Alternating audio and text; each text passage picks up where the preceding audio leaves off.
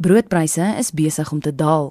Volgens Statistieke Suid-Afrika is die prys van bruinbrood 'n hele 65 sent minder vergeleke met dieselfde tyd verlede jaar.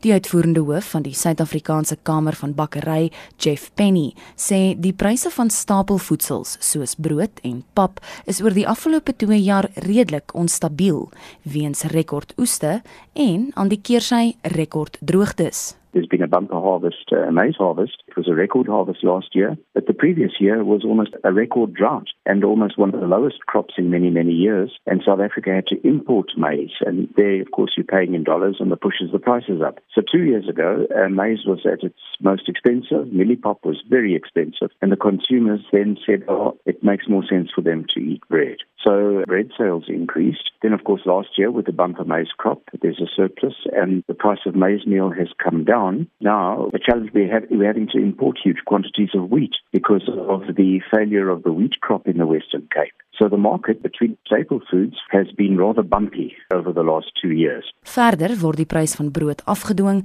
weens 'n afname in aanvraag en 'n hoogsmededingende mark. The price of bread declined year on year by close on 4%. But its capacity, people want to use it and to use it, they've got to sell their product.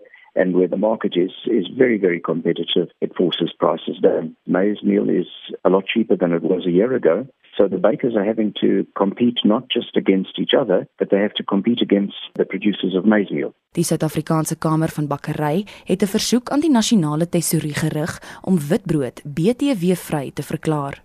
Penny verduidelik waarom dit sinvol is. White bread has not been that exempt over the last 25 years, whereas brown bread has been. If one goes and, and looks at the prices, the difference between white and brown bread is really the VAT. So the, the basic price on the products would be very, very similar should VAT be taken away from white bread. And if the bakers can produce white or brown bread at the same price, they should give the consumer the choice. Maar hy sê toenemende finansiële druk op verbruikers en pogings deur bakkers om op te maak vir verliese sal beteken dat broodpryse waarskynlik weer sal toeneem.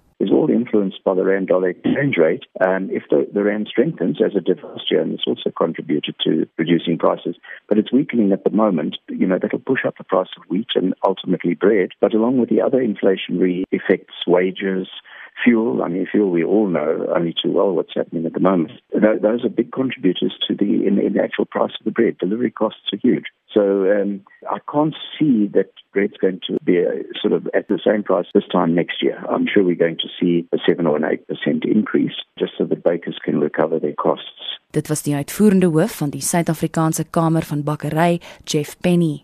Ek is Jean Marie Verhoef vir SAK nuus.